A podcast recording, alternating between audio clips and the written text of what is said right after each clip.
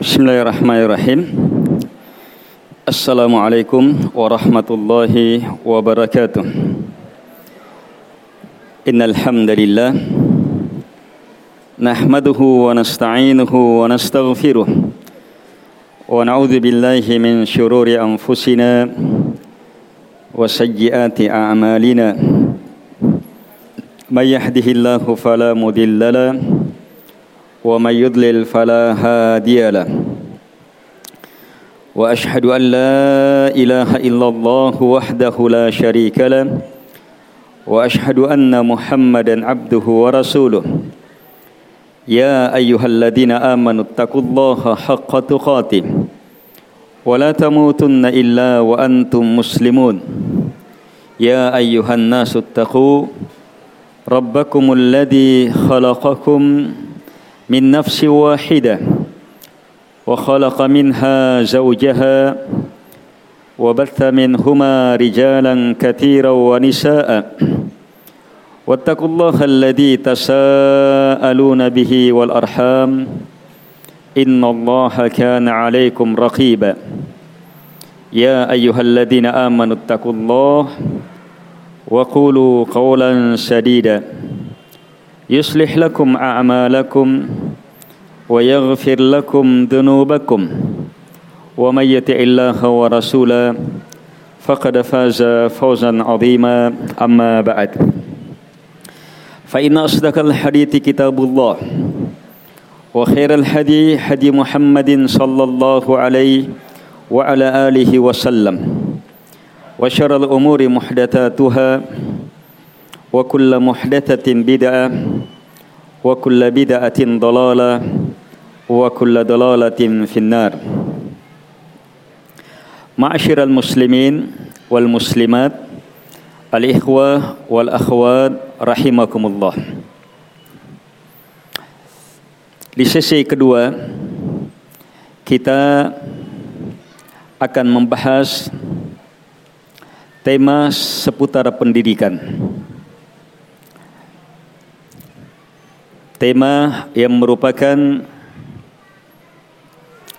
perkara yang terpenting dalam dakwah. Yang dengannya diutus Nabi dan Rasul. Diturunkan kitab-kitab. Yang dengannya dipersiapkan surga dan neraka karena keadilan Allah Subhanahu wa taala karena luasnya rahmat Allah Subhanahu wa taala maka surga dan neraka itu diperuntukkan untuk mereka-mereka yang telah ditegakkan padanya hujjah pendidikan. Ada nilai pendidikan yang telah sampai kepadanya. Ada hujjah Allah Subhanahu wa taala yang telah sampai kepadanya kaum muslimin dan muslimat, al-ikhwah wal akhwat rahimakumullah.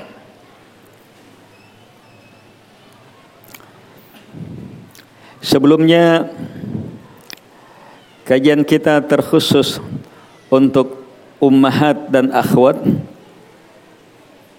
karena ini waktunya spesial. Iya. Jadi kita perluas supaya melingkup keseluruhannya. Allah Subhanahu wa taala telah menurunkan ilmu-ilmu hebat yang seluruhnya adalah materi pendidikan. Allah mengutus nabi dan rasul sebagai murabbi-murabbi, pendidik-pendidik dengan tugas utama mubashirin wa mundirin. Pemberi kabar gembira dan pemberi peringatan.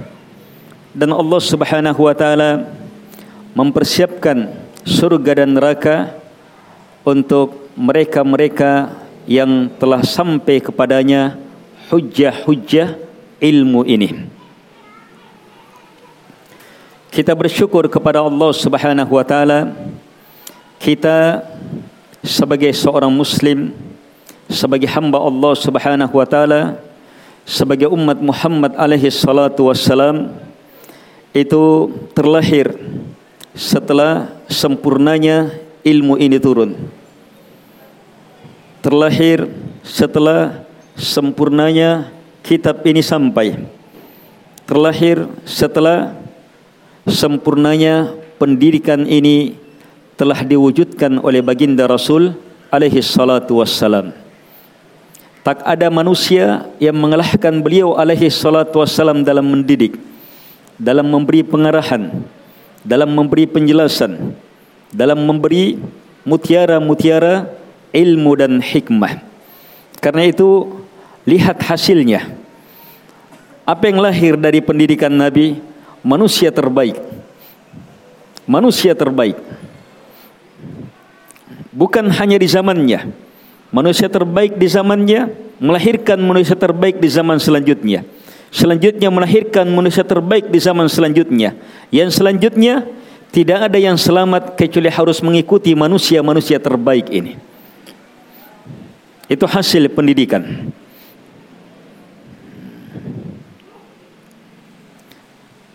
Itu hasil dari pendidikan baginda Rasul alaihi salatu wassalam yang beliau sampaikan dalam beragam tempat yang pusatnya adalah masjid dan majlis-majlis il, ilmu. Kita hidup di zaman modern. Pendidikan berkembang. Iya. Ke mana pun arah perkembangan pendidikan, maka sebagai seorang Muslim tetap Islam adalah patokannya. Sebagai hamba Allah Subhanahu Wa Taala tetap Allah Subhanahu wa taala tujuannya. Dan sebagai umat Muhammad alaihi salatu wassalam tetap beliau alaihi salatu wassalam satu-satunya teladan yang kita contoh dalam pendidikan kita.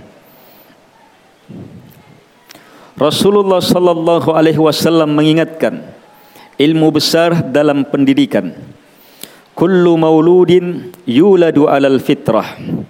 Semua yang lahir lahir di atas fitrah. Fitrah itu adalah modal besar, kemampuan besar, dasar terhebat untuk meraih pendidikan langsung dari wah wahyu. Ini fitrah. Dan Allah mencipta setiap manusia, setiap yang terlahir itu lahir di atas fitrah. Siap untuk berada di atas nilai pendidikan terhebat, nilai pendidikan Islam. Tetapi fitrah bisa berubah.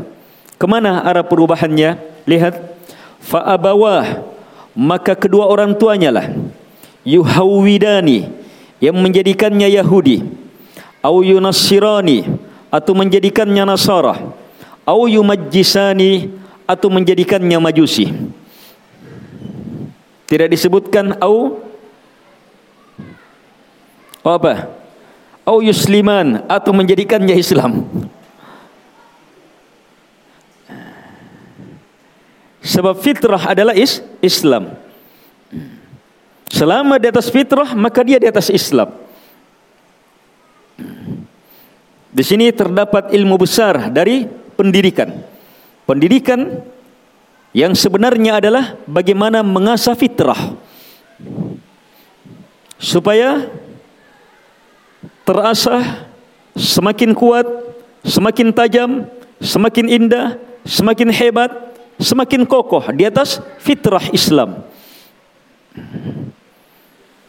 Dan pendidikan itu bagaimana menyelamatkan fitrah ini dari hal-hal yang merusaknya. Di sini disebutkan tiga kelompok sesat merusak fitrah. Yahudi, Nasara, Majusi. Nabi menyebut dua kelompok yang asalnya diberi kitab dan satu kelompok yang tanpa kitab penyembah api. Seluruhnya adalah perusak-perusak fitrah. Dan hadis ini juga memberi ilmu besar bahwa penanggung jawab besar pendidikan ini terwujudnya pendidikan di atas fitrah di atas Islam dan selamatnya anak dari perusak-perusak fitrah penanggung jawab terbesar adalah abawah kedua orang tuanya. Ayo bukan gurunya, bukan ustadznya. Penanggung jawab terbesar adalah kedua orang tua.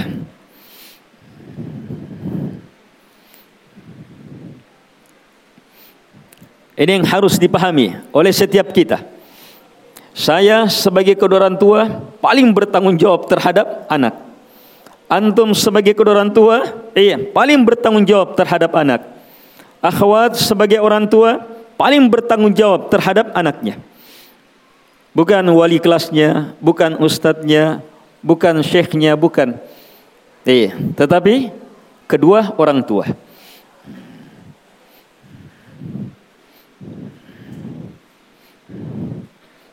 Kalau kita pahami hal ini, kita cermati hal ini, maka hendaknya orang tua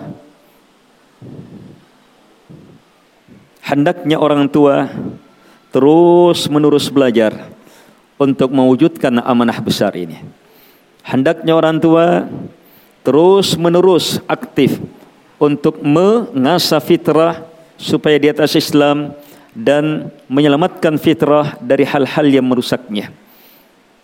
Dan orang tua perlu dibantu dengan ah, itu sarana-sarana pendidikan yang ada. Jadi sarana pendidikan itu bantuan.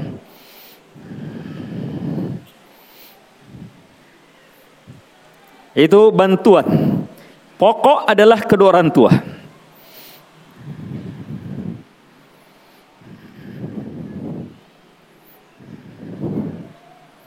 Yang sudah jadi orang tua harus pahami ini. Saya pokok ini bagaimana anak saya baik. Saya menjadi pangkal dasar yang paling bertanggung jawab bagaimana anak saya baik. Kita masukkan ke sekolah adalah tanggung jawab kita.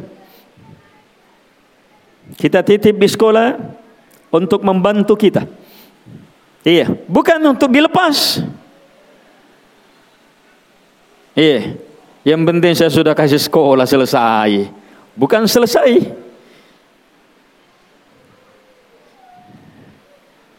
Ayah diulang, diulang, dipahami hal ini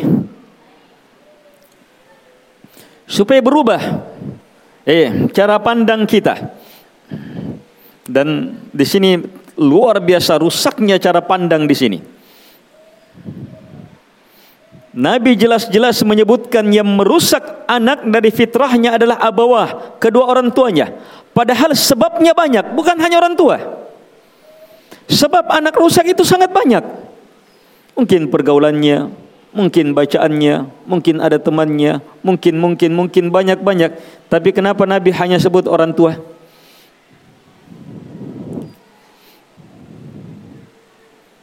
Sebab kedua orang tua yang paling bertanggung jawab. Ayo, ilmu ini jangan berulang sebagaimana berulangnya di majlis-majlis lain. Stop. Kita sekarang orang tua, ayo yang orang tua, yang masih muda nanti jadi orang tua harus jadi seperti ini. Nih.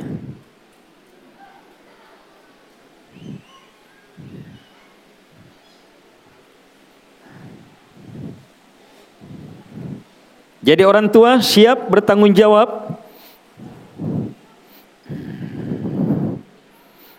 Dia yang harus mengasah fitrah ini.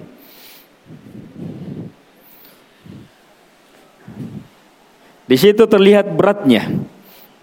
Apalagi kalau orang tua justru dia yang pertama yang baru mau diasah fitrahnya. Iya. Dia yang justru mau dididik. Dipahamkan agama.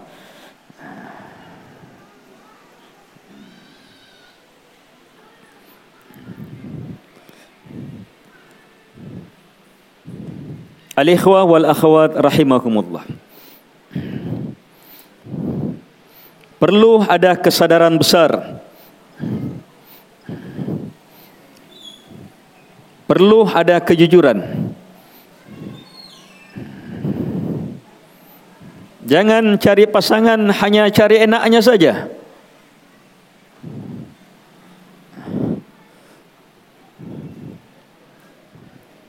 Nikah, ya. Yeah. Sebentar nikah lagi. Besok nikah lagi. Tapi tanggung jawab terhadap anak salah kalau hanya berfikir yang penting saya ada uang kasih sekolah. Salah. Walaupun itu sudah merupakan apa? Cara berfikir orang tua saat ini yang paling hebat sudah. Tapi itu tetap masih keliru. Itu masih sangat keliru. Sebab penanggung jawab terbesar adalah abawah kedua orang tua kita. Bukan sekolah, bukan pesantren, bukan rumah-rumah tahfid, bukan bukan bukan yang itu. Yang itu adalah sarana kita untuk mewujudkan tanggung jawab. Itu adalah sahabat kita untuk mewujudkan tanggung jawab. Itu adalah satu dari jalur kita untuk mewujudkan tang tanggung jawab. Jadi salah kalau masukkan sekolah sepenuhnya sekolah sudah selesai. Angkat tangan. Ada masalah sekolahnya yang salah. Ada masalah ustadznya ini. Ada masalah yang ini. Nanti yang mengajar bilang didik sendiri mi di anakmu. Kalau dikembalikan, kalau guru-guru berpikir seperti itu, didik sendiri anaknya. Ayo, akan jadi apa orang tua? Ah, kalau disuruh mendidik sendiri anaknya, akan jadi apa orang tua? Tidak bisa kerja, tidak bisa berbuat. Saya mau mendidik anak, lihat. Kalau dia mau terapkan dari jam 7.30 sampai jam 12, apalagi kalau full day, Iya, gimana dia mau didik ini? Metode seperti ini.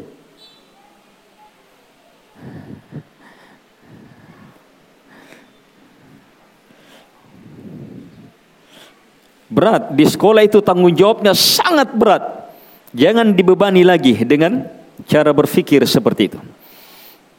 Di pondok pesantren itu tanggung jawabnya sangat besar.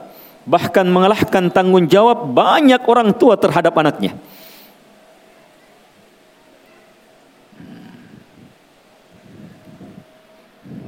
Jangan dibebani lagi dengan cara berpikir seperti itu. Harusnya dibantu dengan cara berpikir pondok, sekolah, madrasah, tempat-tempat belajar adalah sarana saya sebagai orang tua untuk mendidik anak. Bantuan saya sebagai orang tua untuk mendidik anak. Rekan saya sebagai orang tua dalam mendidik anak teman kerja saya dalam mendidik anak. Iya, yang membantu saya dalam mewujudkan amanah ini.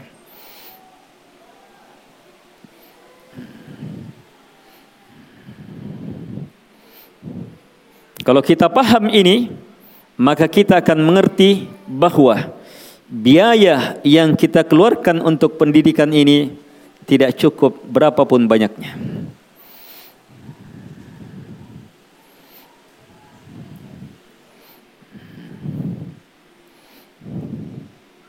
Tidak cukup berapapun banyaknya.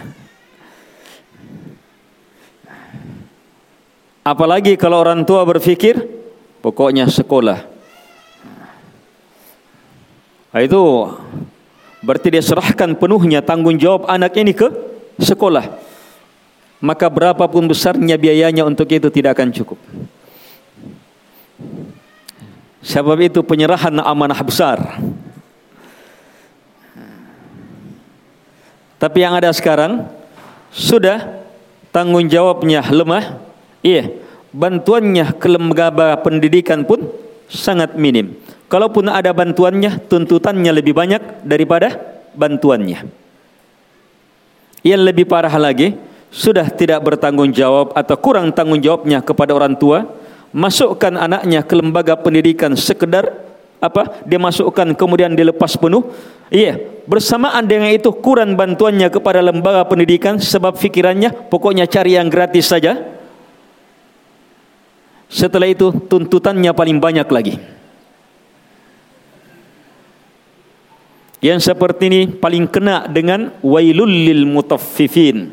Betul-betul celaka orang-orang yang curang. Hmm. Tidak mau iya memenuhi haknya orang. Hanya mencari haknya saja. Ini celaka dalam ayat ini. Ayat ini kalau haknya dia betul-betul harus penuh. Tapi kalau haknya orang, tidak apa-apa dikurangi. Tapi yang kita contohkan lebih parah. Dari semua sisi dia curangi. Kaum muslimin dan muslimat yang dimuliakan oleh Allah Subhanahu wa taala. Ini gambaran singkat bahwa pendidikan itu besar. Perkara pendidikan itu perkara besar sesuatu yang memerlukan perjuangan besar, sesuatu yang memerlukan kerjasama besar. Yang kita mau didik itu fitrah. Ini yang buat-buat sekolah kalau tidak paham ini, tidak usah buat sekolah. Bikin masalah saja. Yang buat-buat pesantren, rumah tahfidz dan semacam itu, rumah belajar, tempat pengajian, tidak paham ini, tidak usah buat. Buat masalah saja.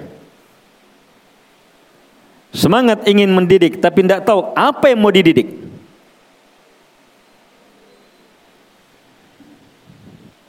Hanya sekedar mengandalkan harta, manajemen, itu cara berpikir orang kafir.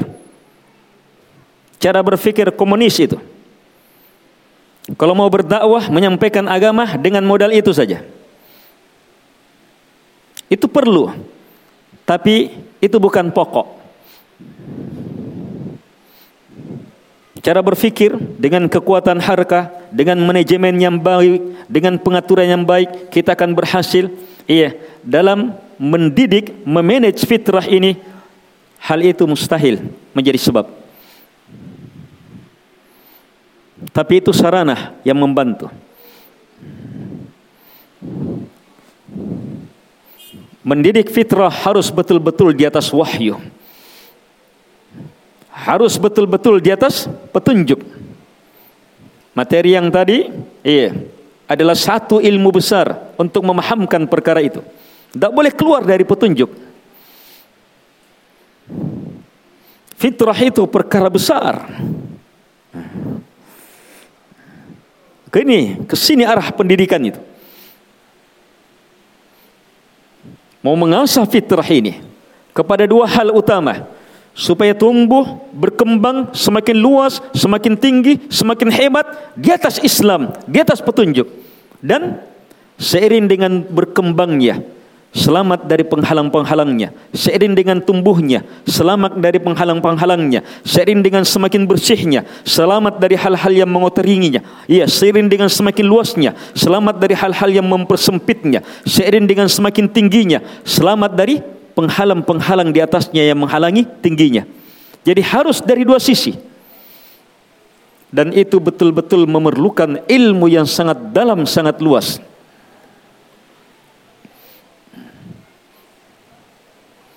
Ilmu yang sangat dalam, sangat luas. Yang seorang syekh perlu bergabung dengan beberapa syekh untuk mewujudkan hal itu. Apalagi yang namanya ustadz perlu bergabung. Eh, sebab beragamnya iya ilmu itu, luasnya ilmu itu, beratnya tanggung jawab itu.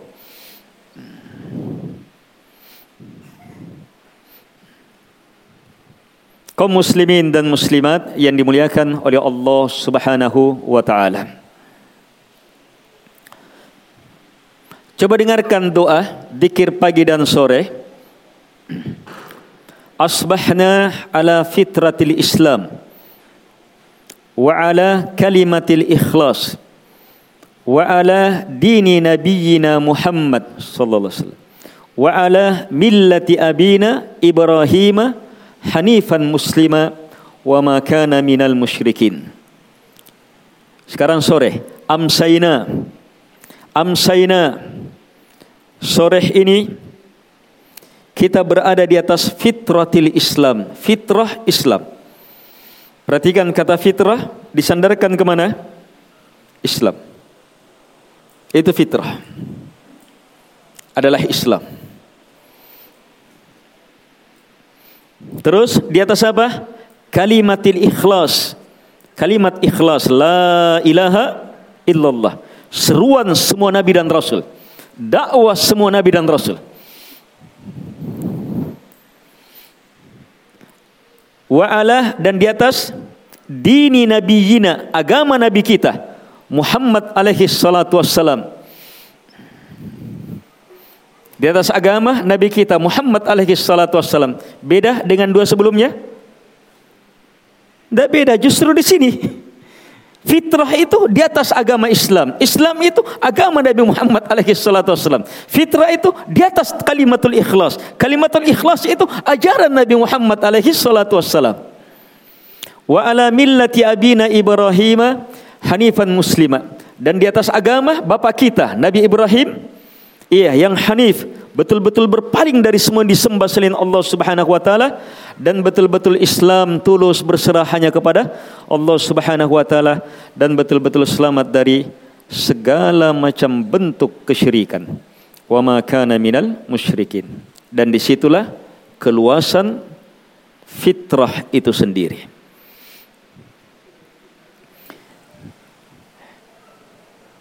Jadi mendidik fitrah itu, mendidik supaya di atas Islam.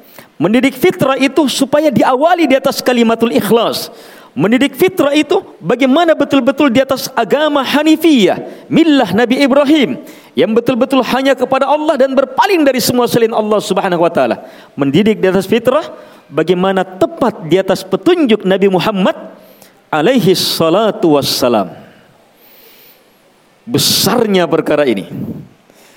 Beratnya perkara ini luasnya perkara ini. Tapi bersamaan dengan itu harus kita tempuh. Sebab tak ada jalan kecuali hanya dengan itu. Kapan keluar dari itu? Rusak fitrah.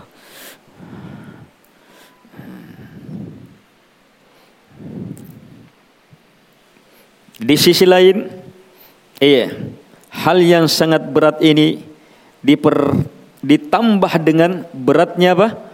kondisi saat ini. Hal-hal yang merusak fitrah luar biasa. Beragam sarana yang merusak fitrah sangat luar biasa.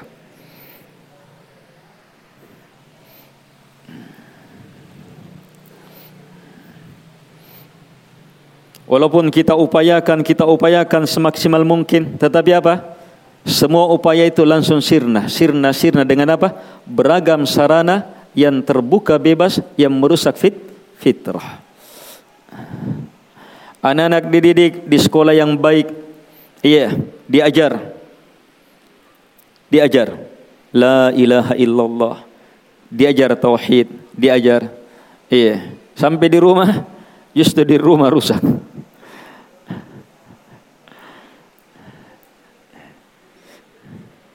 Disiapkan sarana. Eh, bahkan tidak tanggung-tanggung sarananya. Sarana yang paling lumrah dan dianggap lumrah oleh kita adalah game.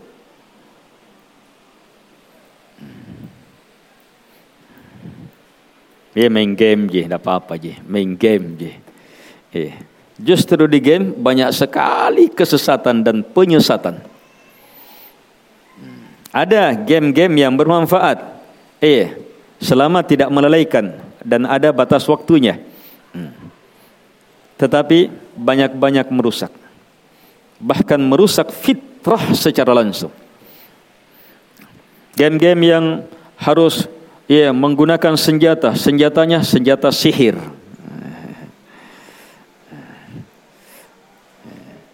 Game-game yang harus mengeluarkan jurus, jurusnya jurus-jurus sihir, kesyirikan. Iya. Yeah. Game-game yang punya pasukan, pasukannya siapa? Setan-setan, tukang-tukang sihir. Sebenarnya diajak jadi apa itu? Diajak jadi iblis orang. Kan iblis itu yang pimpin setan. Siapa yang pimpin setan kah? Iblis.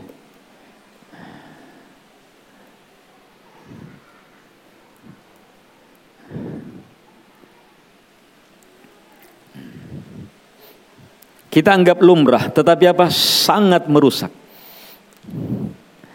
Maka benar sabda Nabi, kedua orang tuanya yang merusak. Kedua orang tuanya yang merusak.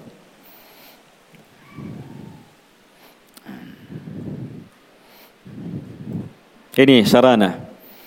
Sementara keperluan terhadap HP dan semisalnya, woi, semiskin-miskin orang Indonesia harus punya HP. Semiskin-miskin orang Indonesia harus punya HP. Eh, walaupun tidak makan, tapi kuota harus ada.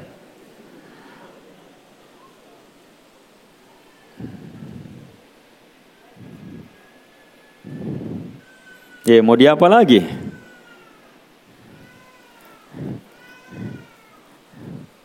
Kalau memungkinkan kita kembali mundur ke beberapa tahun sebelumnya dan dilakukan upaya tidak ada teknologi ini, maka itu menyelamatkan dunia.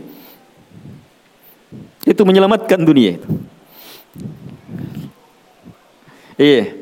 Tapi itu terjadi, tidak bisa dibendung sudah. Bahkan berkembang, berkembang lebih. Caranya gimana? Hadapi. Ada HP, hadapi. Anak-anak main game dampingi. Luruskan, keliru, perbaiki. Rusak, perbaiki. Dengan cara apa? Perhebat pendidikannya. Di situ kekuatan pendidikan. Diperhebat pendidikannya. Sebab anak-anak ini harus menghadapi memang perkembangan itu. Jadi harus disiapkan ilmu untuk menghadapi perkara itu. Di situ pendidikan.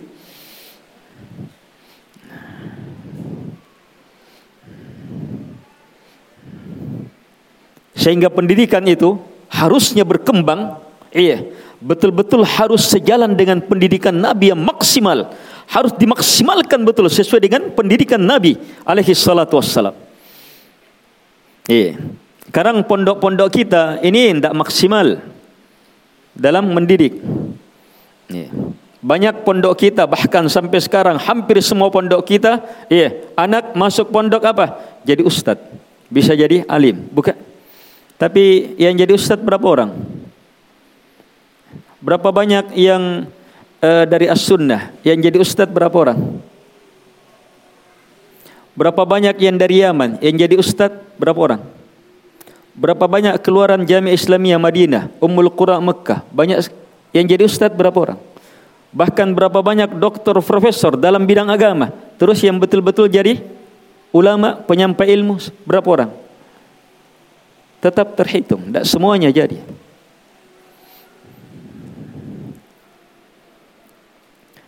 Pendidikan harus mengarah kepada iya, terpenuhinya seluruh jalan karakter yang dengannya terwujud manfaat.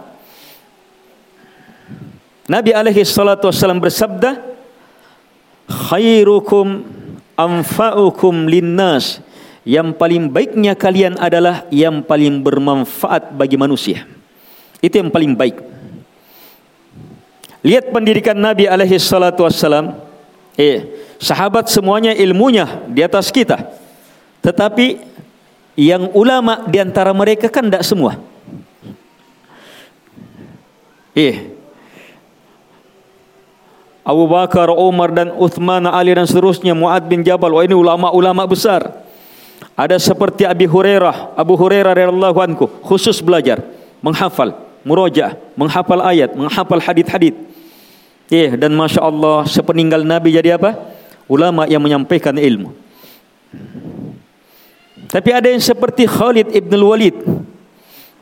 Khalid ibn Walid hadir di majlis-majlis juga. Tapi tidak seperti Abu Hurairah. Woi, tidak bisa Khalid ibn Walid kalau disuruh menghafal seperti Abu Hurairah. Ridallahu anhu. Tapi Khalid ibn Walid di mana dia? Di tempat yang Abu Hurairah tidak bisa duduki. Sebagaimana Khalid bin Walid tidak bisa menduduki tempatnya Abu Hurairah menyampaikan hadis. Dan keduanya menjadi manusia yang paling bermanfaat bagi umat. Itu hasil pendidikan Nabi alaihi salatu wassalam.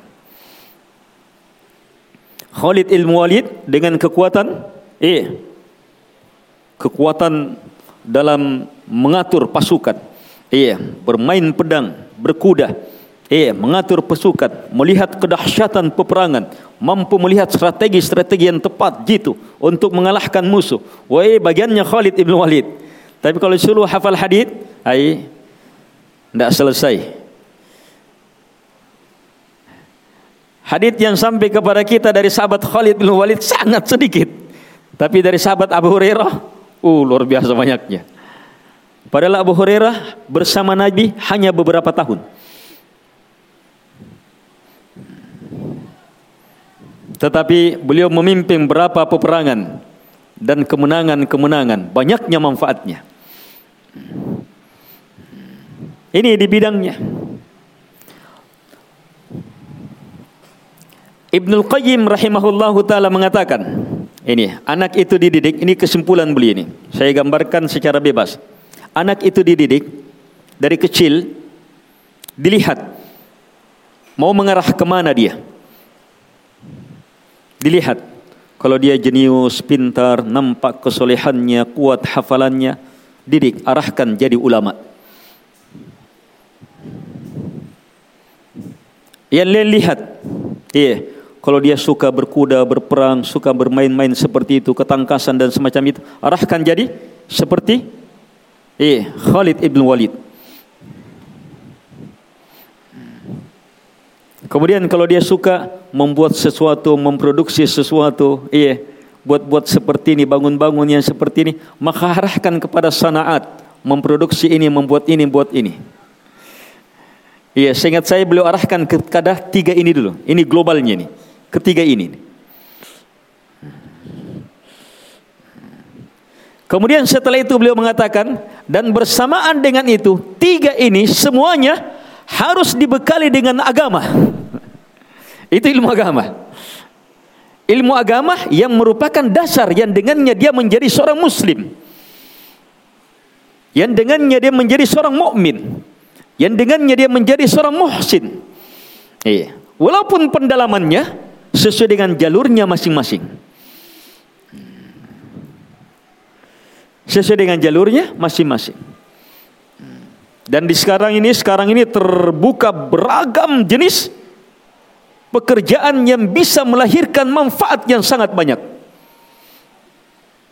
Itu semuanya bisa menjadi jalur-jalur. Eh, semuanya bisa menjadi jalur-jalur supaya anak terdidik bisa menjadi orang yang paling bermanfaat di tengah masyarakat dan bersamaan dengan itu dia adalah seorang muslim. Iya. Dia menjadi petani, petani muslim. Cara berfikirnya di atas Quran dan Sunnah. Dia menjadi pedagang, pedagang muslim. Cara berfikirnya di atas Quran dan Sunnah. Dia menjadi pemimpin, pemimpin muslim. Cara berfikirnya di atas Quran dan Sunnah. Dia jadi pimpinan pabrik, pemimpin pabrik muslim. Cara berfikirnya di atas Quran dan Sunnah. Dia menjadi ini, menjadi ini. Memberi manfaat ke tengah masyarakat. Di atas akidah ahli sunnah wal jamaah. Cara berfikirnya di atas Quran dan sun, Sunnah. Itu yang arah pendidikan ke situ.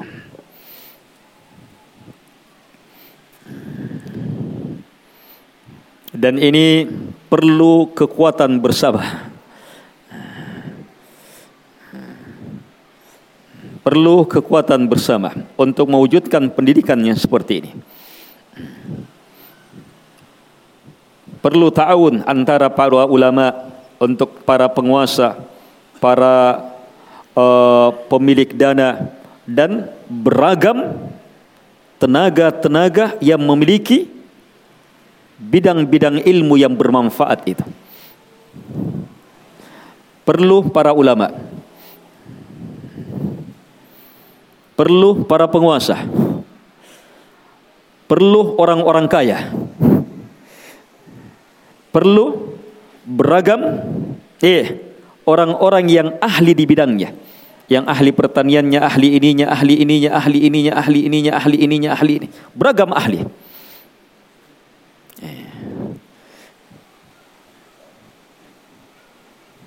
Pendidikan itu harusnya seperti ini. Tetapi tak ada buah, tak ada ini, maka itu pun jadi. Sisanya tinggal tawakkal Allah. Ini banyak-banyak kondisi kita. Kaum muslimin dan muslimat yang dimuliakan oleh Allah Subhanahu wa taala.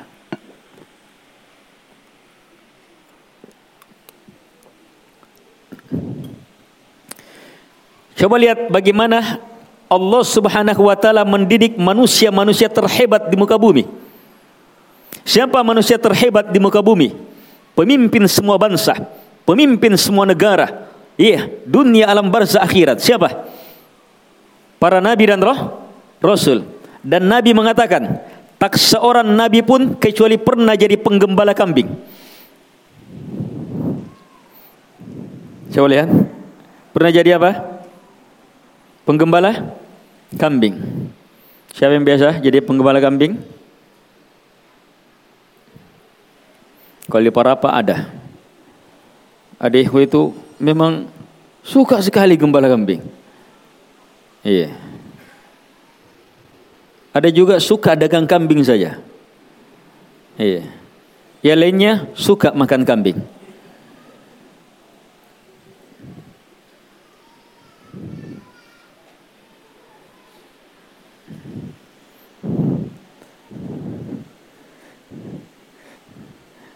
Setiap nabi dan rasul dididik jadi penggembala kambing. Itu pendidikan. Sebelum jadi nabi dan rasul, masih anak-anak, masih remaja, dididik. Itu sekolahnya itu.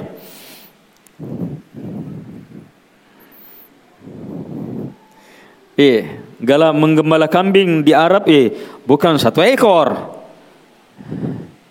Eh. Bukan menetap. Eh, dia bawa puluhan, ratusan, iya, ke gunung-gunung. Diikuti nih, ke mana? Iya, kembali. Bawa pergi, ikuti kembali. Iya. Bagaimana bekalnya dia? Jangan pikirkan. Ada manajemen yang lahir di situ. Iya. Terus bagaimana menghadapi musuh-musuhnya? Serigala, perampok-perampok, ada manajemennya tersendiri. Terus menghadapi kambing-kambingnya yang sakit, yang ini, yang itu, ada aturannya sendiri. Terus menghadapi kambingnya saat kaget gimana? Itu beragam peristiwa yang harus dialami dan di situ terdapat pendidikan besar untuk jadi pemimpin dunia. Tapi kalau sekarang ada sekolah anaknya disuruh gembala kambing, "Wahai pamari,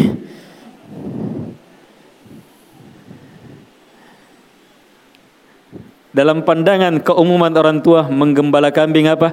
Pekerjaan rendah. Pekerjaan hina. Iya. Padahal sudah ada fakultas peternakan. Fakultas peternakan profesor doktor jadi iya, pergi dibawanya sapi itu. Iya. Pergi ke kandang-kandang kambing. Walaupun mereka praktis saja, sewa saja orang kamu yang kerja, mereka tinggal ambil kesimpulannya saja.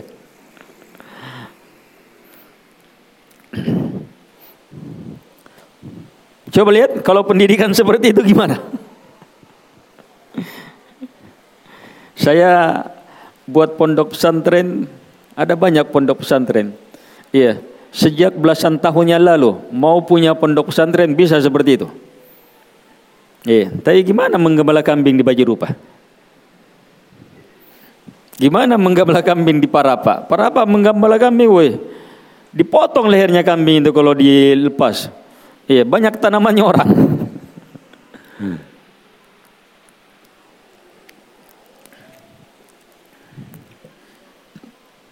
Itu satu metode pendidikan. Satu metode pendidikan. Iya, yang bisa mendidik anak. Itu bisa di manage itu. Kalau punya lahan yang sangat luas, bagaimana? Iya, santri-santri satu hari, berapa hari? Iya, dia berangkat dengan ranselnya. Ada kitabnya di situ, ada hafalannya, ada bekalnya. Dia manahkan gembala ini. Iya, dengan pengawasan dan seterusnya. Kembali. Iya. Nanti tetap dia menghafal, tetap dia muroja dan seterusnya.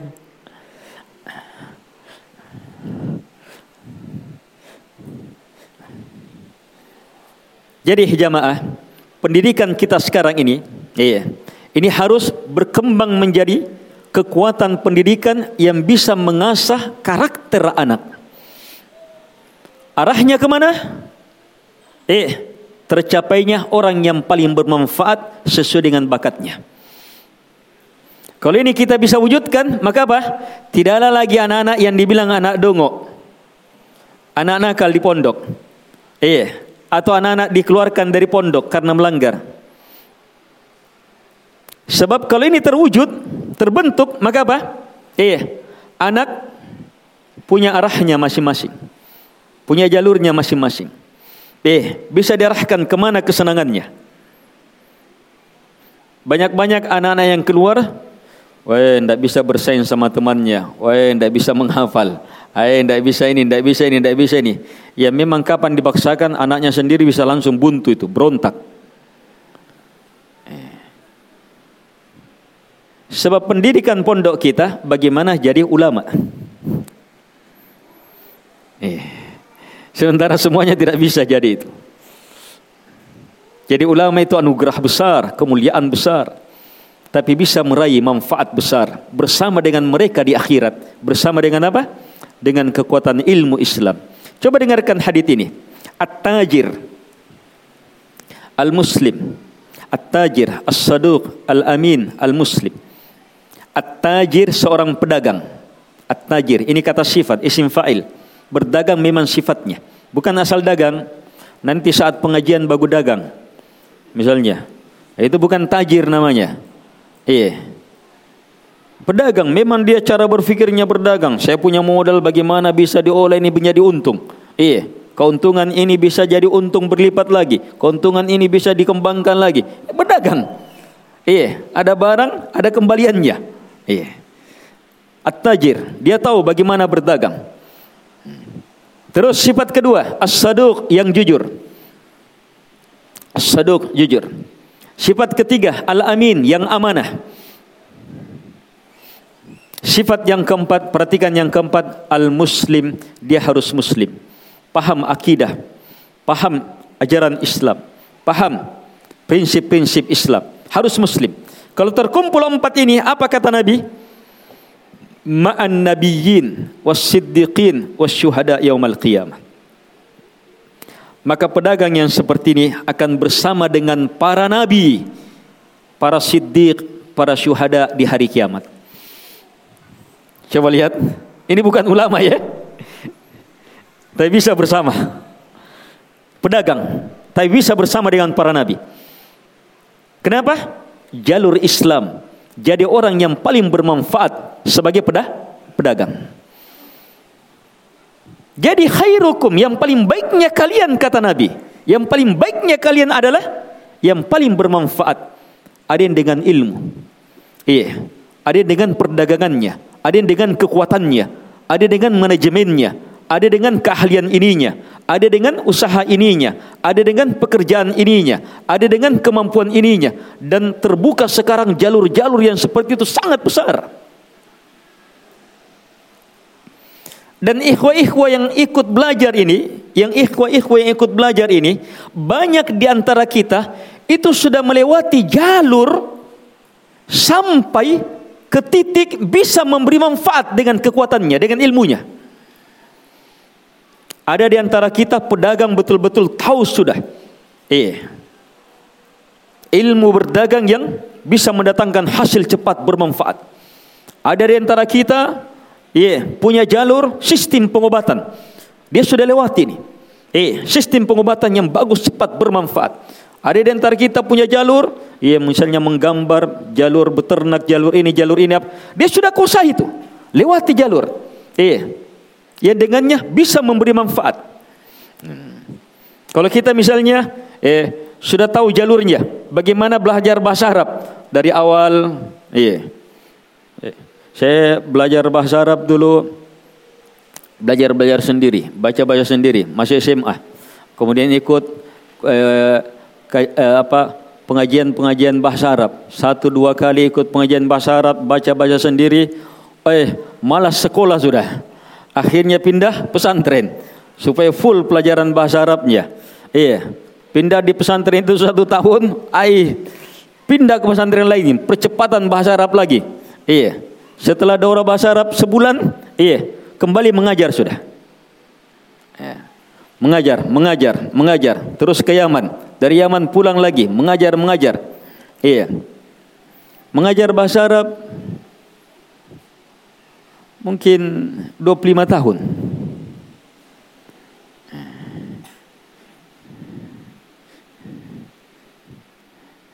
Tapi bersamaan dengan itu ilmu bahasa Arab ternyata masih banyak lagi. Tapi yang kita cari adalah ilmu yang dengannya bisa memberi manfaat sudah. Untuk memahami Quran dan Sunnah, untuk mendekatkan diri kepada Allah Subhanahu wa taala, untuk meraih kemuliaan di sisi Allah, Subhanahu wa taala. Melalui jalur bahasa Arab. Sudah dianggap sampai sudah bisa memberi manfaat. Yang seperti ini banyak ikhwah-ikhwah kita punya ilmu-ilmu seperti ini dia sudah lewati dan bisa memberi manfaat. Maksud kita, iya, sangat baik kalau ilmu ini, iya, dia paparkan, iya, dia kan sudah kuasai. Bagaimana memaparkan bahasa Arab tidak seperti jalurnya dia. Jalurnya, jalurnya saya belajar bahasa Arab terlalu panjang. Terlalu panjang. Iya, kita sudah lewati yang panjang ini, ini, ini. Sekarang kita bagaimana memaparkannya lebih singkat.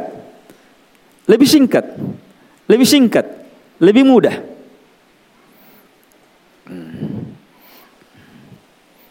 Kita sudah paparkan bagaimana santri-santri as-sunnah dengan dora bahasa Arab bisa ini, bisa ini.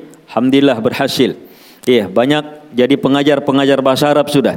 Nah, sekarang sudah mengarah, sekarang mengarah, ini sudah mulai jalan beberapa bulan. Mengarah anak SMP. Sekarang anak SMP. Saya didik sekarang ini program SMP, rumah tahfidz SMP kita. Iya.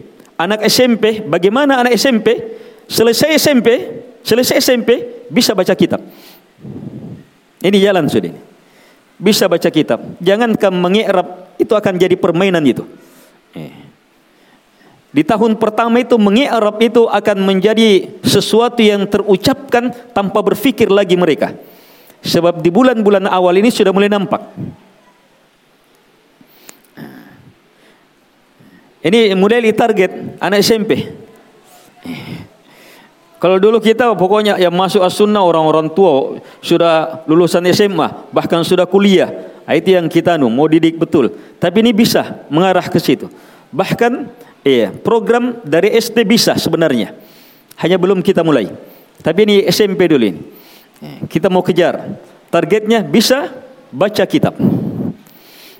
SMP bisa baca kitab. Program dasar sudah tetap. Program dasarnya kan hafal Al-Quran. Iya, tiga tahun ini hafal Al-Quran.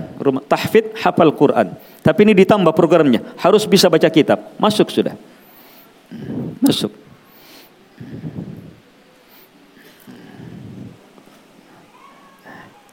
Dipersingkat, dipermudah.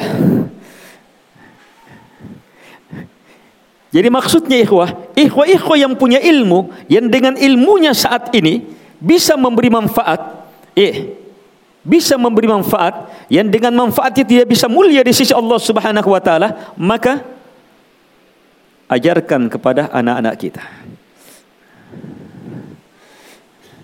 Ajarkan kepada anak-anak kita untuk bisa menjadi seperti itu. Ada pedagang beras besar, hebat, luar biasa, berhasil, sukses luar biasa. Iya, anak-anaknya dididik. Iya, gimana jadi seperti ini? Dididik, dididik sampai akhirnya jadi seperti ini. Ada yang berhasil dalam beternak, betul-betul hebat dalam beternak. Dia kuasai beragam jenis penyakit, penyembuhannya, pemeliharaannya, bahkan iya, pemotongannya yang benar, yang baik, yang cepat. Eh, bahkan pemasarannya, bahkan pengolahannya. Dia kuasai lengkap dengan pemasaran pengolahannya dengan beragam fikiran yang bermanfaat di dalamnya. Gimana hal itu bisa disampaikan dengan cara kita dipraktiskan. Itu arah pendidikan, itu merombak pendidikan. Kalau seperti ini orang tidak perlu lagi kuliah-kuliahan. So ini arahnya menguasai bermanfaat, selesai. Kalau kuliah menguasai, dapat nilai, setelah itu nganggur. Iya. Itu pun menguasai karena dipaksa menguasainya. Setelah dia kuasai, dia tidak bisa gunakan sebab bukan bakatnya, bukan kesenangannya di situ. Bukan kesenangannya di situ. Iya, banyaknya sarjana teknik tapi lebih cocok jadi pedagang. Banyaknya sarjana ekonomi, ih ternyata jadi jadi ini jadi ini. Macam-macam. Beda dengan jurusannya. Coba seandainya, coba seandainya, iya, kemampuan dia itu, kemampuan dia itu memang dari kecil terlihat dan dididik mengarah ke situ, akan jadi apa kira-kira? Akan jadi apa kira-kira? Seperti ilmu bahasa Arab tadi. Iya, kita nanti besar nikah apa jadi ustad, jadi ustad lama mengajar mengajar baru bisa punya ilmu bahasa Arab yang sedikit mending. Tapi setelah kita kuasai yang sedikit mending ini, kita ingin paparkan kepada anak-anak. Anak-anak bahkan belum selesai SMA-nya, bahkan belum masuk SMA, sudah bisa menguasai ilmu kita. Nah, dipaparkan. Agar supaya apa? Ke depan bisa menghadapi apa? Tantangan lebih besar. Arah pendidikan harus seperti ini. masjid-masjid giatnya dakwah ini apa itu sarana-sarana pendidikan ke dasar pendidikan. Semua dasar pendidikan adalah din agama. Itu dasar pendidikan kita. Iya. Antum yang sekarang jadi pedagang, antum yang sebagai ini, sebagai ini, sebagai ini, sebagai ini, sebagai ini, sebagai apa pun, ikut taklim, iya, maka ilmu-ilmu saat taklim itu mempengaruhi cara kita berdagang mempengaruhi cara kita jadi aparat, mempengaruhi cara kita jadi uh, jadi pegawai, mempengaruhi cara kita jadi uh, pemimpin ini, pemimpin ini, mempengaruhi cara kita dalam memegang proyek, mempengaruhi cara kita sebagai tukang. Itu pendidikan yang ada sekarang. Tapi yang kita inginkan bagaimana? Yang kita tahu anak ini nih, anak ini nih, kita lihat bakatnya, kesenangannya, ini bisa jadi sarjana teknik misalnya. Eh, bisa merancang bangunan-bangunan besar. Gimana bakatnya ini diarahkan oleh ikhwa yang sudah menguasai teknik ini itu mulai dari SD.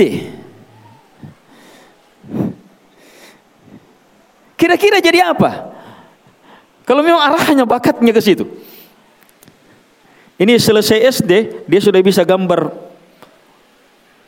Kalau memang diarahkan, dia saja SD. Orang yang tahu arsitek jamaah, yang tahu arsitek, hitung-hitungan matematika, khusus matematikanya jangan meluas. Matematika sesuai dengan hubungan matematika yang berhubungan dengan arsitek saja. Saya memang arahnya mau diarahkan ke situ. Iya. Ilmu-ilmu alamnya yang berhubungan dengan itu saja. Pokoknya berhubungan dengan bakatnya ini. Kalau memang ilmunya diarahkan ke situ dan itu sangat mudah.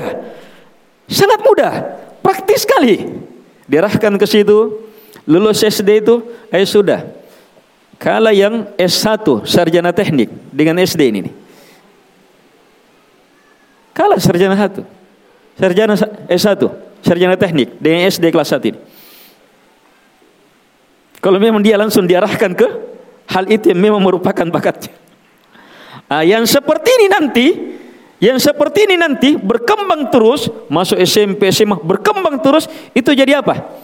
Jadi arsitek bukan sekedar lokal tapi mendunia. Dia bisa membangun bangunan-bangunan yang nanti cara berpikirnya, ah, di sini di sini perbedaan pendidikan kita itu jalur pendidikan praktis. Kalau cara berpikir yang tadi saya sebutkan itu orang kafir juga pikirkan. Antum paham ya? Orang kafir, orang komunis juga pikirkan. Orang kafir, orang komunis pendidikannya justru banyak-banyak mengarah ke seri ini. Eh, mengarah kepada bakat karakter anak sejak kecil dididik. Eh, tapi bedanya kita, kalau kita bisa arahkan ke sini, bedanya kita adalah bakat bangunan ini, misalnya bangunan ini, iya, dari kecil ini, iya, masuk ilmu agama. Masuk niat yang benar, masuk tujuannya apa? Masuk masuk bangunan dalam Islam Iya, prinsip-prinsip bangunan dalam Islam. Untuk apa? Untuk apa? Untuk apa? Itu ada ilmunya dalam Islam. Tidak ada satupun ilmu sekarang kecuali Quran dan Sunnah bisa menjadikannya sebagai ke, apa? Menjadi menjadikannya sebagai perkara yang paling bermanfaat. Tidak ada satupun ilmu. Kecuali ilmu dalam Quran dan Sunnah adalah pokok yang paling mendasar dari ilmu itu agar supaya menjadi yang paling bermanfaat. Semua ilmu yang bermanfaat sekarang, ilmu apa pun. Iya, ilmu membuat pesawat, iya, ilmu membuat ini, membuat ini, apa pun ilmu itu. Beragam ilmu membuat-buat, beragam ilmu memimpin-mimpin, beragam ilmu memberi fatwa. Iya. Semua ilmu yang tujuannya untuk hal-hal seperti itu yang memberi manfaat ketika dasarnya kekuatannya adalah Quran dan Sunnah maka itu akan menjadi sesuatu yang sangat bermanfaat. Ini perbedaan pertama.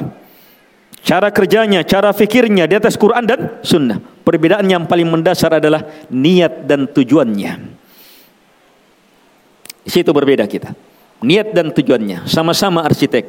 Sama-sama pedagang. Tapi pedagang muslim bersama dengan para nabi. Bersama dengan para nabi. Tujuannya bersama dengan para nabi. Kalau pedagang sekarang, tujuannya bersama dengan siapa? Bersama dengan Canteng Hong gar putih. Eh, sendok kok. Bersama dengan apa? Eh, akan merasa bangga kalau dia pedagang bersama dengan apa? Oh, pemimpin bank dunia misalnya. Oi, foto bersama selfie lihat ya. Sampai di situ dia. Dia pemodalannya sampai modal dunia. Dunia. Itu tujuan? Bukan. Itu tujuan rendah itu. Walaupun bagi orang tertentu itu tujuan terhebat. Tujuan dalam Islam pendidikan dagangnya gimana Pak? Proses dagangnya ini jadi apa? Dengan perdagangannya bersama dengan para nabi, para rasul.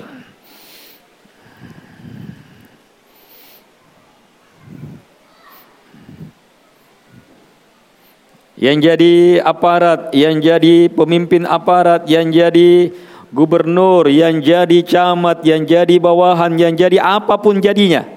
Itu yang bermanfaat bagi kita harus jadi seorang muslim di atas jalur Islam dan tujuannya apa? Tujuannya akhirat. Ridha Allah Subhanahu wa taala menjadi orang yang paling bermanfaat mengejar ridha Allah Subhanahu wa taala. Yang ini jamaah, dua perbedaan mendasar ini jalannya di atas Quran dan sunnah dan niatnya ini dua perbedaan mendasar ini. Semua jalur. Ini dua perbedaan mendasar. Semua jalur. Dua perbedaan mendasarnya. Sama-sama dagang di pasar, sama-sama jadi arsitek, sama-sama jadi pemimpin, sama-sama ini, sama-sama ini, sama ini, tapi beda dengan jalur kerjanya. Bagaimana cara kerjanya? Satu di atas Quran dan Sunnah, satu tidak. Satu tujuannya akhirat, kemuliaan di sisi Allah Subhanahu wa taala. Satu, hanya sekedar hawa nafsu, hanya sekedar dunia, hanya sekedar mem meraih ke kebahagiaan pribadi saja. Tidak.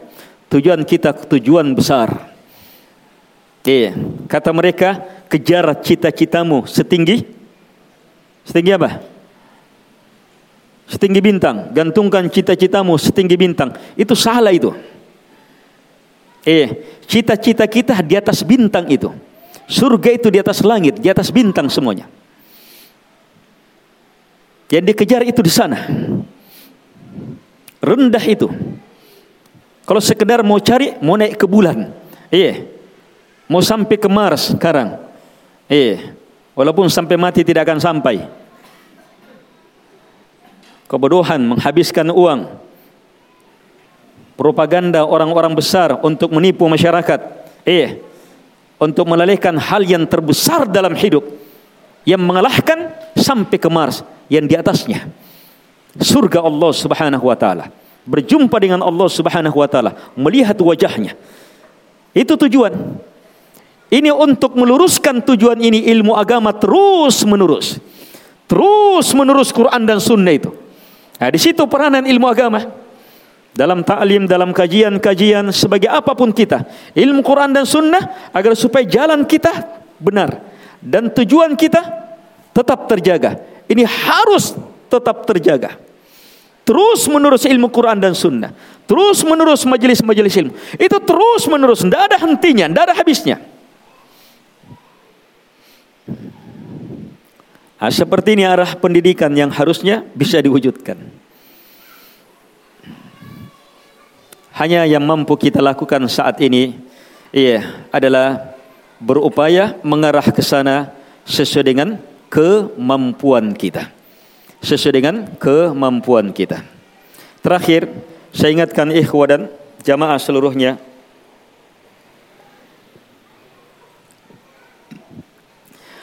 harusnya yang menjadi kedahsyatan kurikulum utama pendidikan setiap pesantren, lembaga, SD, apa pun kita adalah wasiat Luqmanul Hakim yang diabadikan dalam Quran. Itu jadi, itu dasar pendidikan, metode pendidikan, cara pendidikan.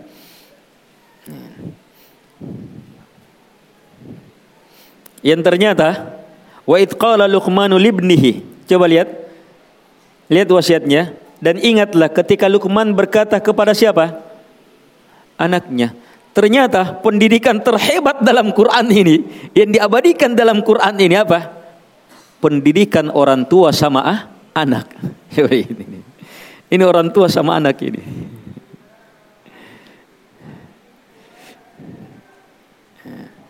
Kita tidak bahas ini, ini pembahasannya tersendiri, kandungan wasiat Luqman.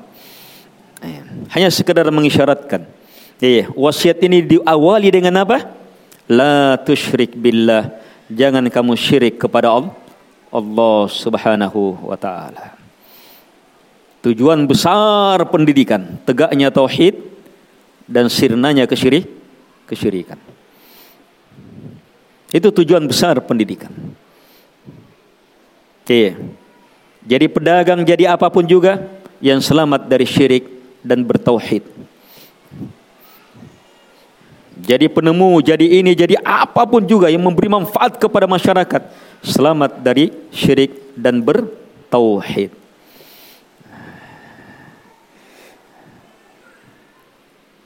Belum lagi solatnya, belum lagi iman ininya, belum lagi adab-adabnya, belum Nanti di akhir disebutkan adab, akhlak dan seterusnya.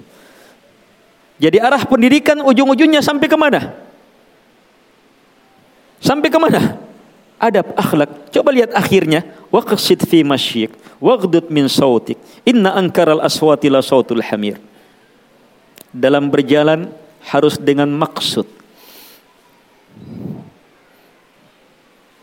Suaramu rendahkan Suara yang paling mungkar, suara keledai. Ini apa? Adab dalam berjalan, adab dalam bersuara. Ini pendidikan yang diabadikan dalam Quran. Bahkan cara berjalan. Cara berjalan. Perhatikan waqsid. Iya, di sini bukan hanya mengajar bagaimana berjalan, iya, bagaimana berjalan yang benar dan seterusnya, tapi menekankan maksud. Berjalan pun harus dengan maksud. Berjalan pun harus dengan maksud. Eh, harus dengan tawadu, bukan dengan takabbur.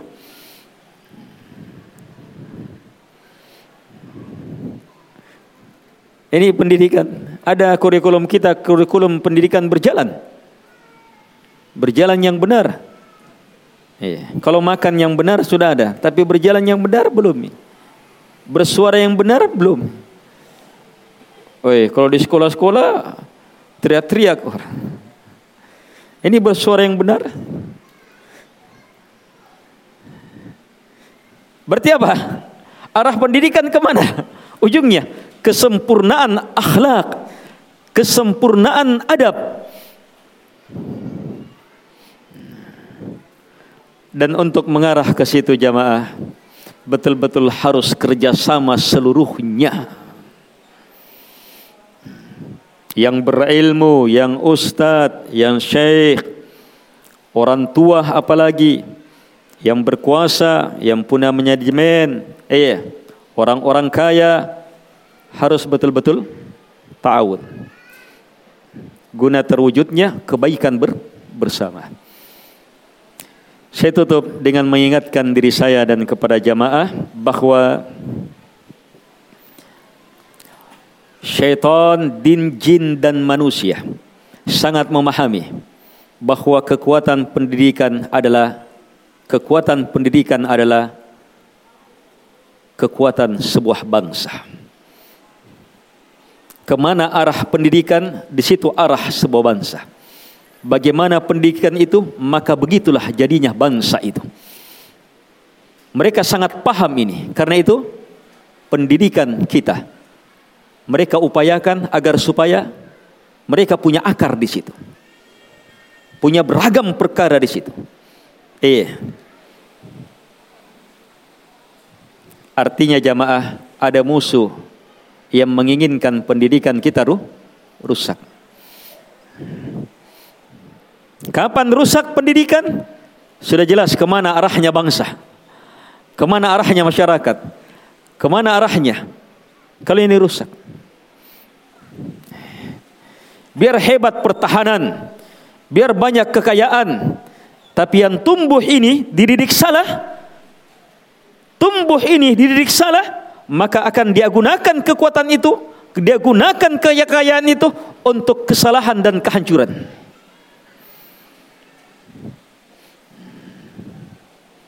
Ini berbicara tentang pendidikan ini.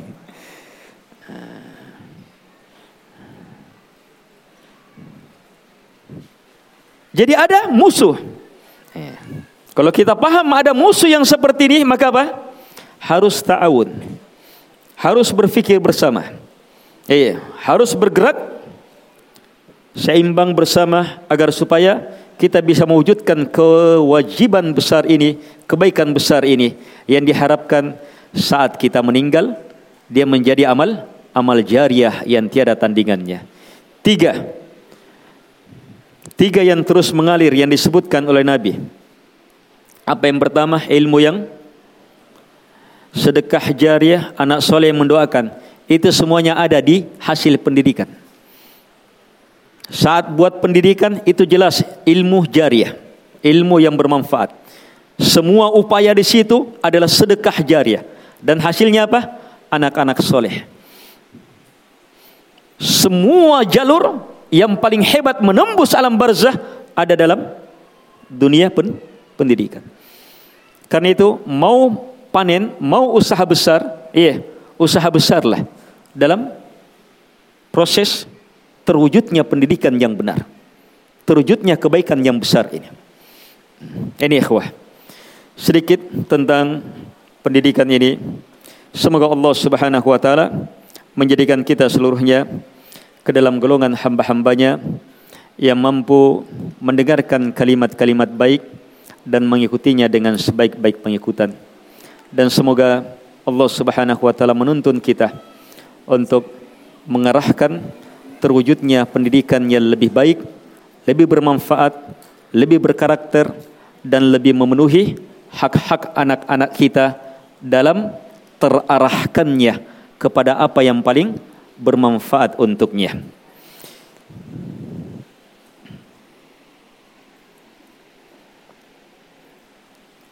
Ada pertanyaan?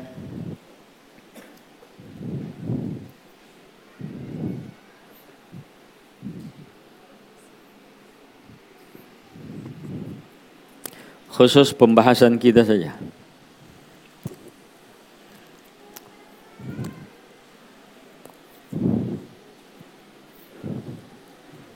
Jadi setelah ceramah ini jangan lagi bertanya, Ustadz, uh, kapan dibuka pesantren gratis Ustadz? Itu berarti belum sadar sebagai orang tua itu.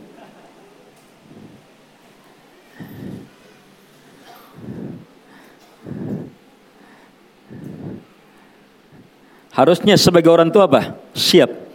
Apa pun, bagaimanapun. Iya, hanya kalau ada yang gratis ya masukkan ke yang gratis. Iya, lebih mudah. Tetapi ya tetap hmm. hanya kalau kita kita sebagai pendidik, saya sendiri sebagai pendidik, selama memungkinkan gratis harus gratis. Itu tetap prinsip dasar saya. Selama memungkinkan, memungkinkan, iya. Hanya sekarang ini yang ditangani waduh. Banyak sekali. Saya sekarang pegang berapa sekolah, pegang berapa pondok. Iya, jadi pembina beberapa yayasan. Iya. Dan ini semuanya iya. Tapi tetap ada ada masya Allah ada lembaga pendidikan kita tetap ada yang gratis. Kalaupun ada yang bayar, dicarikan jalur gratisnya. Iya. Iya. Ada yang bayar, tetap dicarikan jalur gratisnya.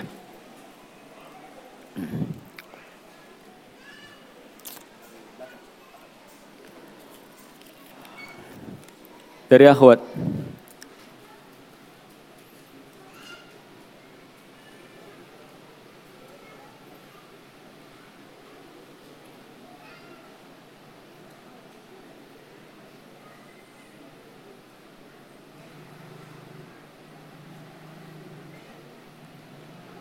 Karena dilarang main game, anak mendaftar masuk tim bola. Bagaimana hukum anak menjadi pemain bola? Umurnya 10 tahun. Iya. Umurnya 10 tahun masuk ke tim bola, iya. Itu belum itu belum akan mengarah apa yang dia inginkan. Itu hanya akan mengarah Iya. Mengisi kegiatannya. Tidak apa-apa, tetap diarahkan ke situ. Tinggal jaga auratnya, jaga waktu sholatnya, pahamkan ilmu-ilmu bahwa kita seorang muslim. Iya. Jadi manfaatkan kegiatan itu sekedar apa? Iya. Kegiatan itu untuk jasadnya. Itu lebih bermanfaat daripada dia bermain game. Itu tetap lebih bermanfaat daripada dia berlagak game. Tetapi itu bukan tujuan hidupnya. Iya. Arahkan untuk bisa bermanfaat. Sangat baik ini untuk semua kegiatan olahraga. Untuk semua kegiatan olahraga, dasari kegiatan olahraga kita dengan firman Allah Subhanahu wa taala. Wa a'iddu lahum mastata'tum min quwwah. Ini dasarnya. Mau berolahraga dapat pahala? Iya, berolahraga dengan dasar ayat ini. Wa a'iddu lahum. Kata Allah, persiapkan untuk mereka apa yang kalian mampu berupa kekuatan. Allah wajibkan setiap muslim untuk bersiap menghadapi serangan orang-orang yang mau menyerang kaum muslimin. Harus bersiap walaupun keadaannya aman. Iya, apalagi kondisi setiap saat bisa kacau, bagaimanapun keadaan. Dasar berpikir harus apa? Harus siap. Harus punya kekuatan. Jadi berolahraga untuk apa? Mempersiapkan kekuatan. Kekuatan itu banyak. Kekuatan ilmu, kekuatan iman, kekuatan ini, kekuatan. Termasuk kekuatan jah, jasad. Itu termasuk kekuatan jasad. Iya. Berolahraga untuk apa? Supaya. Coba lihat. Ketika seseorang berolahraga dengan maksud supaya apa? Supaya bisa membela agamanya. Harus kuat. Iya. Harus sehat. Ini jelas dapat pahala. Coba lihat Lihat kemuliaan orang yang berperan di jalan Allah, kudanya, lihat kudanya, kudanya nih, bukan orangnya. Kudanya, bagaimana kuda-kuda perang? Eh, kuda yang memang dibeli, dipersiapkan, dilatih untuk berperang di jalan Allah Subhanahu wa taala. Maka apa? Keringatnya, langkahnya, sejauh mana dia, yang dia makan, semuanya jadi pahala. Ini binatangnya nih, bagaimana dengan orangnya?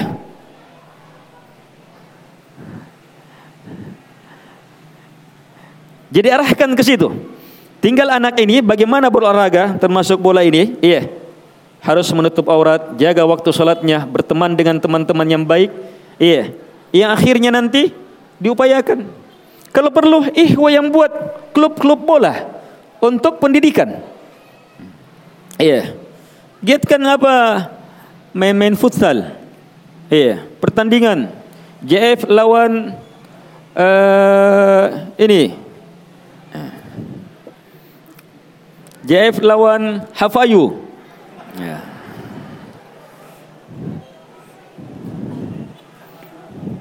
Pertandingan final. Buat kompetisi bola. Iya.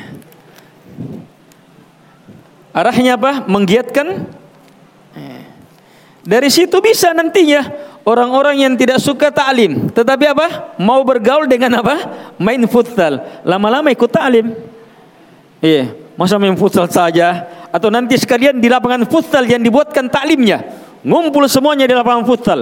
Iya, ngumpul semuanya di lapangan futsal. Sudah, pasang mic. Kasih ceramah 15 menit. Selesai. Setiap mau main ada ceramah 15 menit. Iya. Jadi orang yang malu-malu ke masjid atau apa mau main futsal saja sudah dapat ceramah juga. Lama-lama baik, baik. Itu arahnya. Itu kalau saya jalur berpikirnya seperti itu. jalur berpikir untuk saya dapat manfaat ya ke situ. Ya, antum semuanya punya jalur-jalur yang dengan antum bisa dapat manfaat.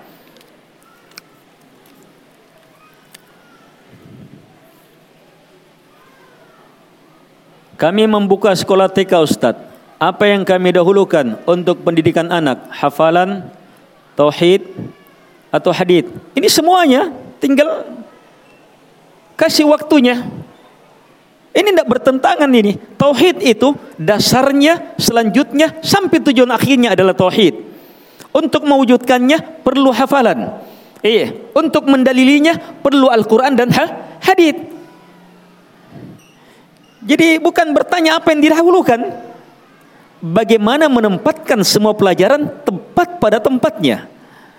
Agar supaya iya, pelajaran tauhidnya di situ juga ilmu Quran dan haditnya, di situ juga hafalannya. Atau pelajaran haditnya, di situ ilmu tauhidnya, di situ hafalannya, di situ juga iya, ilmu Qurannya. Tinggal tempatkan pada tempatnya. Iya. Yang lebih penting di sini adalah saat membuka yang seperti ini yang lebih penting adalah yang mau mendidik bisa tidak mendidik. Iya. Ada tidak yang mendidik? Ini yang mau mendidik ada tidak yang mendidik? Dengan pendidikan yang benar. Ada tidak yang memanage dengan manajemen yang benar? Ada tidak yang mengatur dengan pengaturan yang benar? Ia siap tidak menghadapi beragam permasalahan ketika mendirikan sekolah. Ini yang perlu difikirkan lebih jauh.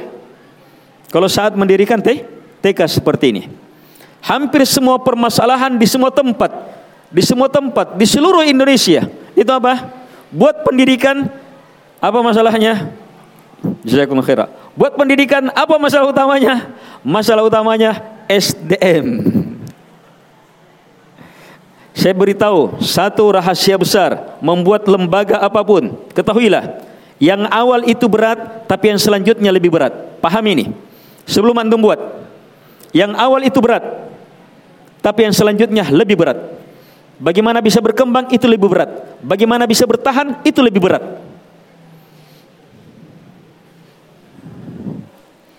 Jadi sebelum memulai harus bisa punya gambaran ke mana nanti nih supaya siap menghadapinya.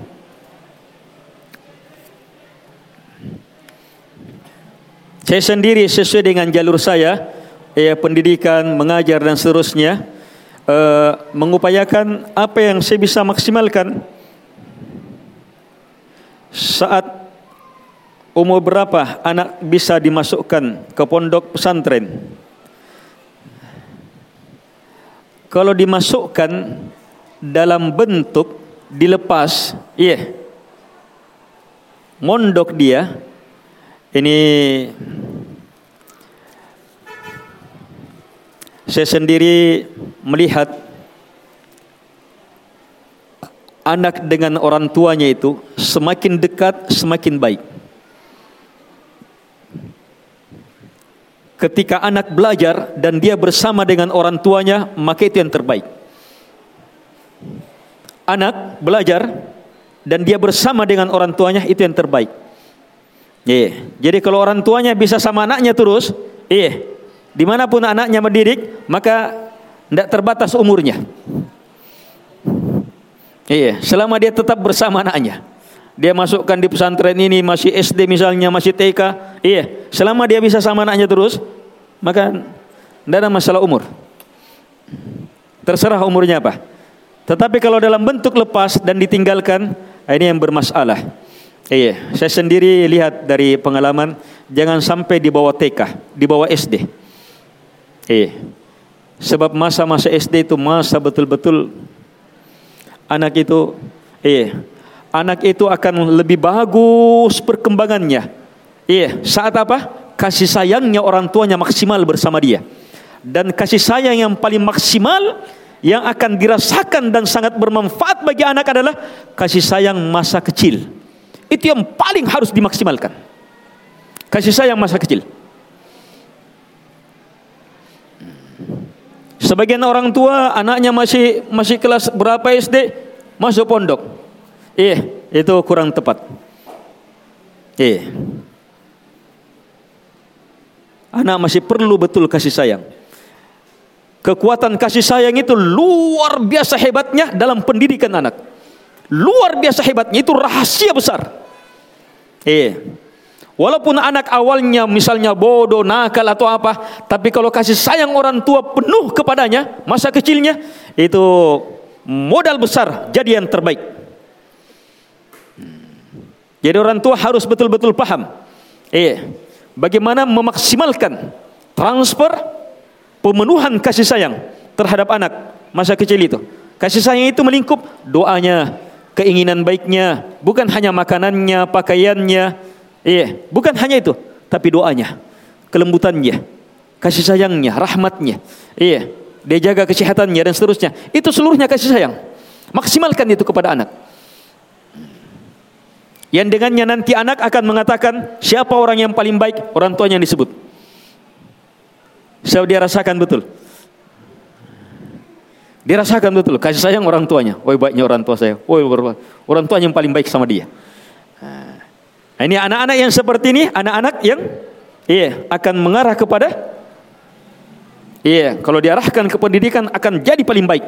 Insya Allah lambat atau cepat sesuai dengan kondisi dan keadaan anak masing-masing. Terakhir,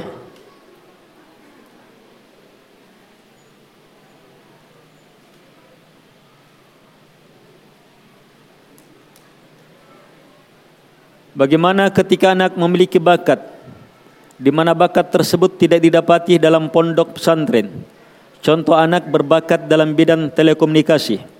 Iya, kalau di pondok itu tidak ada, ingat ya, setiap anak siapa pun bagaimanapun bakatnya anak-anak maka wajib mendapatkan pendidikan agama. Itu dasar semua. Tadi sudah jelas ya? Dasar semua hebatnya bakat harus di atas agama dan terus di atas agama supaya lurus nih niatnya. Jadi itu agama, terus menerus. Uh, kalau dia mengarah kepada tele, uh, telekomunikasi, teknologi lebih dalam, lebih jauh, kita lihat betul di situ, dia mumpuni di situ, apalagi memang orang tuanya ahli di bidang itu, biasanya bakat itu menurun. Orang tuanya misalnya, iya, lihat Pak Habibie bagaimana dia, lihat bagaimana anaknya, itu, eh, lihat orangnya yang pedagang. Kalau orang orang tuanya pedagang, anaknya jadi apa? Itu rata-rata banyak bakat itu itu terlihat orang tuanya, oh iya langsung terasa sebab dia lahir melalui hal itu dan dia tumbuh rezekinya juga melalui hal itu. Iya, walaupun tidak harus, tapi banyak-banyak seperti itu. Nah, kalau kondisinya seperti ini, maka apa? Pesantren tetap menjadi ilmu utama bagi dia, ilmu-ilmu yang mendasarnya. Iya, tetapi bakat-bakat ininya bisa dikursuskan. Iya, bisa dikursuskan dan semisal itu. Hanya sekarang ini tanggung jawab kita, tantangan kita sebenarnya harusnya pesantren bisa me membuka jalur, iya agar supaya iya kemampuan telekomunikasi ini anak tersalur tersalurkan, kemampuan teknologi ini anak tersalurkan. Ini uh, Ustadzul rencana di Bajerupa buka SMA SMA teknologi. iya. Nanti saya sendiri, saya lagi yang dipusingi. Buka-buka saja.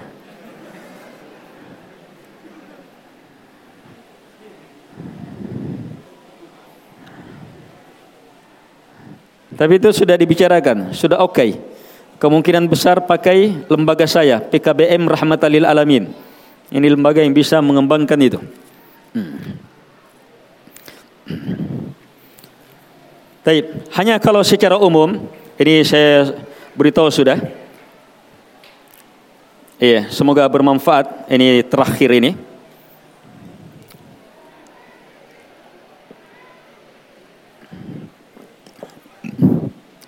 Secara umum saya sendiri itu berfikirnya setelah melihat banyak dalam pendidikan ternyata kita masih kekurangan.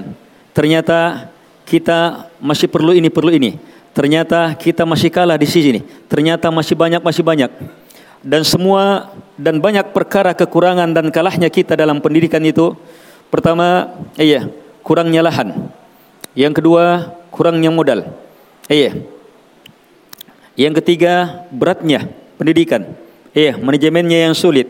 Iya, tidak ada kesungguhan di situ dan beragam perkara. Iya.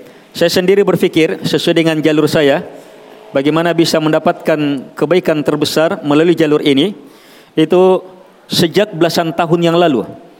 Sejak belasan tahun yang lalu bagaimana bisa punya pesantren sekian puluh hektar, sekian ratus hektar dan di situ disiapkan beragam sarana untuk mengembangkan semua bakat ini. Yang mau beternak, yang mau ini, yang mau ini, yang mau ini ada semuanya. Dan bersamaan dengan itu belajar semuanya Al-Quran, Sunnah, Akidah. Terserah mau jadi apa nantinya. Akan disiapkan sarananya di situ. Hanya itu perlu lahan yang sangat luas. Iya. Antum pernah lihat postingan di As-Sunnah? Iya. Saat saya bilang insya Allah semoga di tempat ini kita bisa dirikan pesantren. Iya. Di Malili. Itu Malili. Itu akan mengelola seribu hektar. Saya sudah bayar saya sudah bayar eh, panjar, bukan bayar seribu hektar itu. Iya, bayar. Iya, panjar sekian puluh juta. Sudah. Masuk dalam, mengukur dan seterusnya. Iya, prospeknya besar. Iya, beragam perencanaan untuk beragam jenis pendidikan untuk pengembangan bakat sudah muncul semuanya. Iya, sampai apa nanti kita buat lapangan pesawat terbang di sini. Iya. Karena tempatnya jauh sekali. Iya. Tapi eh, saya tawarkan ke situ kurang respon. Iya. Saya juga lihat kegiatan sangat banyak. Iya, dan sekali dua kali berkunjung di sana, oh hancur banyak kegiatan yang ditinggal. Ay, sudah dilepas. Ini lepas. Hanya sekarang terbuka. Ini semangat saya sendiri ini. Ini terbuka, terbuka lagi. Tapi di sidrap. Ini terbuka. Sudah kita bangun. Sudah bangun satu rumah. Iya. Dia konsep pesantren luas, berkarakter untuk beragam bakat dan diupayakan bernuansa wisata. Iya. Jadi sarananya ditata semuanya. Nyaman. Ini sementara di kita bangun. Kemarin selibur sepekan. Iya. Dan ini sudah jalan. Iya. Siapa yang mau mendidik sementara saya didik sekarang di Parapa? Siapa yang mau mendidik di sini? Yang ini nih? Iya, sementara didik Pak. Program takhasus. Iya, berjalan enam bulan. Sementara didik. Targetnya dua, dua tahun, tiga tahun. Jadi ini, iya, di sana juga sudah jadi bangunannya dan beragam sarananya. Iya. Ini yang sementara kita buat. Dan ini uh, memerlukan bantuan. Saya buka yang mau ta'awun bisa terlibat. Yang mau membantu masuk membantu. Iya. Yang mau membantu, masuk membantu. Yang mau terlibat, masuk terlibat. Iya, tapi semuanya dalam bentuk perjuangan dulu. Jangan minta andil sini. Iya, sebab ini anu ini perlu upaya besar. Iya, targetnya diupayakan santrinya puluhan ribu, bukan main ribuan, ini puluhan ribu. Iya, kita upayakan punya pondok pesantren bisa santrinya puluhan ribu. Putra putri dengan beragam sarana yang ada di dalamnya. Iya.